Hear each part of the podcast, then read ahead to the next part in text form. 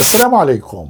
مرحبا بكم في حلقة جديدة من فيلم ريفيو وفي هذه الحلقة سوف نناقش واحد من الأفلام التي واكبت مرحلة مهمة من مراحل التقلبات السياسية التي والاجتماعية التي نشهدها في الوقت الحاضر أو في زمننا المعاصر خلال السنوات العشرين الماضية والتي شكلت في الواقع قضية رأي عام وقضية اجتماعية شغلت العديد من بلدان العالم وبما فيها المملكة المتحدة بريطانيا حيث تقع أحداث الفيلم. والمختصر المفيد أن أحداث هذا الفيلم هي ليست إلا الخلفية تقع على خلفية الضجيج الدولي الرأي العام المناهض للحرب على العراق.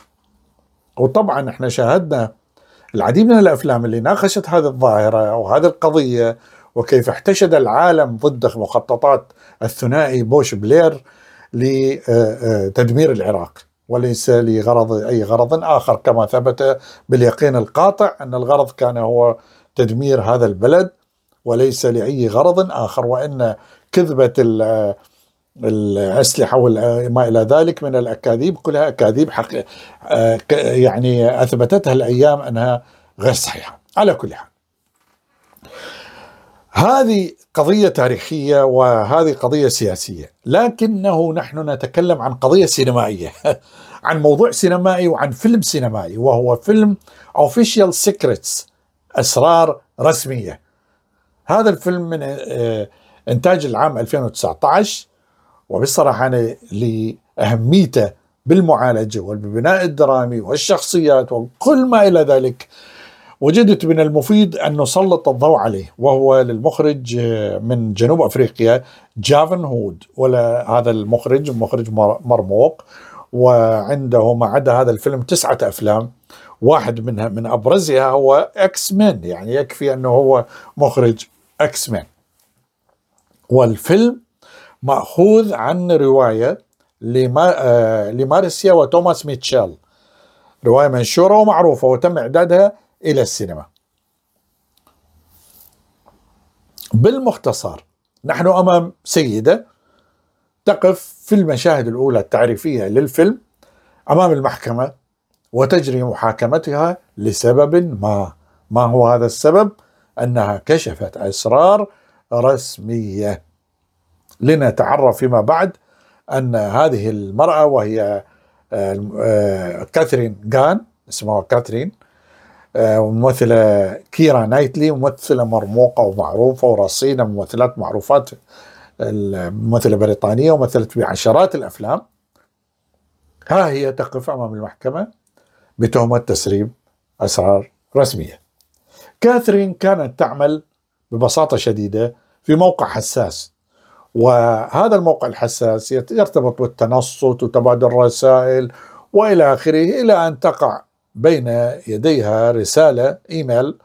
هذا الإيميل يقول أنه إحنا الطرفين USA and UK لازم يعني أمريكا وبريطانيا لازم يحشدون الرأي العام عفوا مو الرأي العام إنما الدول على صعيد مجلس الأمن لغرض التصديق بفك بكذبة ال mass destruction weapon of mass destruction.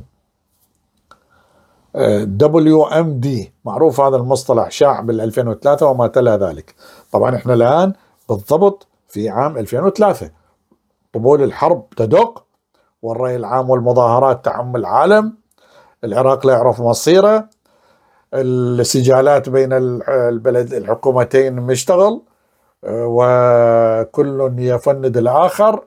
والاتهامات وما إلى ذلك لكن الحرب قطع قطعيا أن بوش وبلير قرراها بشكل قطعي. ولهذا هذه البرقية فضيحة.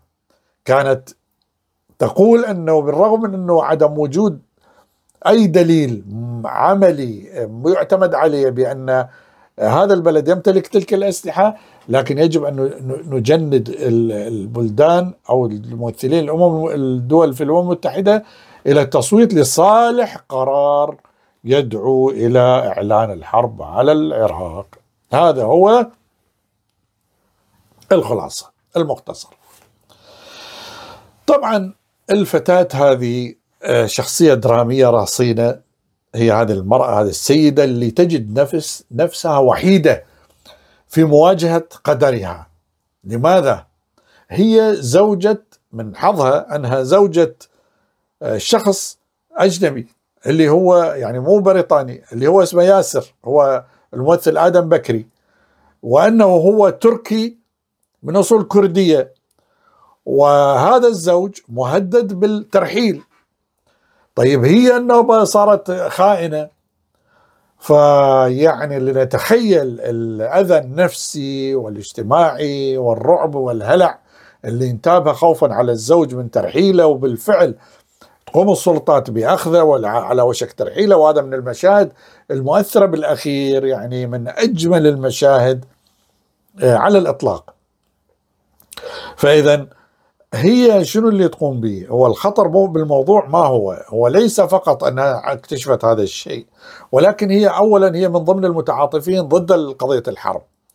فهي ببساطة شديدة تسرب هذه الرسالة عن طريق صديقة مناهضة للحرب وبالتالي هذه الصديقة تذهب بهذه الرسالة إلى الأوبزرفر البريطانية إلى صحيفة ومنه يبدأ عمل استقصائي على صعيد الصحافة للكشف عن حيثيات الموضوع وكشف يعني كمية الأكاذيب اللي تم ترويجها ولغرض أنه هي بالنسبة لها هو عندما تسأل تقول إنني أعمل لصالح مجتمعي لصالح بلدي لأنقذ بلدي من هذه الورطة من هذه الكارثة التي مسؤولة عنها هذه الحكومة مسؤول عنها هذا الشخص رئيس الحكومة. اللي طبعا يعني كما نعلم أنه كانت هناك لجنة تحقيق على مستوى رفيع وثبت الموضوع ما يراد يعني مثل ما نقول مثلا نروح على القاضي إنما مكشوف الموضوع يعني المؤامرة كانت مكشوفة. على كل حال فهي البنت تعيش أزمة أزمة الضمير وطيلة هذا المسار الفلمي كانت تعيش في صراع مع ذاتها لغرض أن تمضي بالأمور إلى النهاية بالوقت اللي هي مهددة. يعني الخيانة العظمى تلاحقها يعني لا محالة يعني كارثة. وحياتها الأسرية راح تتدمر. هذا الزوج يرحلوه لتركيا يرحلوه تلفوه فمأزق يعني كارثي. بموازاة هذا طبعا الآن إحنا عندنا دراما المحاكمات. طبعا هذا نوع من أنواع الأفلام. المعروف على صعيد السينما وعشرات الأفلام تجري في قاعات المحاكم. هذا النوع مشهور. عندنا اذا فيلم هو من نوع دراما المحاكم. انه عندنا محاكمة هذه السيدة كاترين وإدانتها بالخيانة العظمى وتسريب أسرار الدولة وما إلى ذلك. هذا نخليه على جهة. من جهة أخرى اللي يوازي هذا هو وضعها كامراه كزوجة آه، مخلصة لهذا الزوج وهي حياتها العائلية مهددة بترحيل هذا الزوج على خلفية اتهامها بكونها بالخيانة العظمى هذا البارت الثاني أو القسم الثاني أو القضية الثانية الركن الثاني للفيلم. الركن الثالث المكمل هو استخدام المهارة الفائقة في استخدام الوثيقة فجمع الفيلم ما بين ال documentary وما بين ال fiction باستنادة إلى وقائع حقيقية وهي وقائع الاستعداد للحرب الغزو الأمريكي للعراق هو أمريكا وحلفائها بكل ما فيها من وثائق. يعني ماكو بها المسألة مو تلفيق وليس تأليف إنما كانت المظاهرات موجودة في الشوارع وكان هنالك رأي عام منقسم اللي تم تضليله راح انغسل دماغه واللي عقله محتفظ بعقله يقول هذه كذبة كبيرة وهذا الشيء ما له صحة وما له وجود وهذه حرب كارثية ليست في مصلحة أحد. سوى مصلحة من أشعلها هو الشعوب هي الضحية. وطبعا الشعب العراقي كان هو الضحية لأن راحوا من عنده تقريبا آه، خلال الحرب مليون مليونين تقريبا شيء من القبيل ثم تبع ذلك من مخلفاته آه، الحرب الطائفية. أيضا دفع العراق مئات الآلاف عن مخلفاتها لأن هم ما من مشوا ما يسمى حرروا البلد. سقطوا الدولة وحلوا الجيش وحلوا المؤسسات وخلوا على الحديدة ونهبت المؤسسات ونهبت البنوك. ديمقراطية عظيمة. شوفك إياها تعيها زين؟ لكن مؤازة هذا مثل ما قلنا أنه كل هذه هذه هذه المتغيرات هي ليش الناس لأن عارفة مسبقا اون افونس ان ادفانس إنه هذه هذه الكوارث هذه العواقب ستستمر وما زال البلد عليل مريض لأن عنده دستور سن آه، تلميذ بوش اللي هو آه، بريمر دستور بريمر اللي هو دستور طائفي معروف دستور انقسامي يشتت المجتمع ملغوم مكتوب بخبث لا نهاية له ويخلق من المشاكل ما لا ما لا تنتهي استبدال الوطنية بالعرقية والمذهبية والطائفية. تقسيم البلد عرقيا وطائفيا وهو بلد متسامح أبعد ما يكون عن الطائفية. بالذات العراقية الحقيقية كل هالمخلفات هذه هي الناس تدركها اللي هي تخص الدوكيومنتري الجانب الوثائقي بالفيلم. فإذا على هذه الأركان الثلاثة تم بناء أحداث الفيلم وتم تقديم الشخصيات وتم التصعيد الدرامي اللي أوصلنا إلى حافة الكارثة. أنه إحنا كلنا أصبحنا مشدود أعصابنا. أن هذه يعني امرأة بريئة يعني ثبت لنا إن لا هي تاجرة حرب لا هي حد دافعها لا هي مدفوع لها. يعني هي هددت عرضت حياتها للتهديد وعرضت مستقبلها للضياع وعرضت مستقبل زوجها وعرضت كل شيء قدمته على طبق من ذهب لغرض قول الحقيقة لغرض أن تكون مدافع عن مبدأ. والدفاع عن المبدأ هو من أصعب ما يكون. أن الثبات على المبدأ الثبات على الرأي الواحد.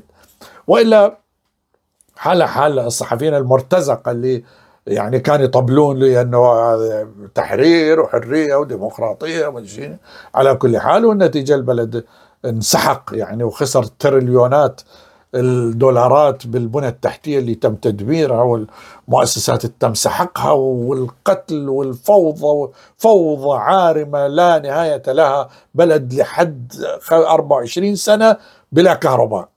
الكهرباء تنقطع. لا لا يريدون حتى الكهرباء أن تصلح ما يريدون. حتى تبقى الفوضى تبقى الناس تشكو تشتم وتتعارك تتصارع. على كل حال.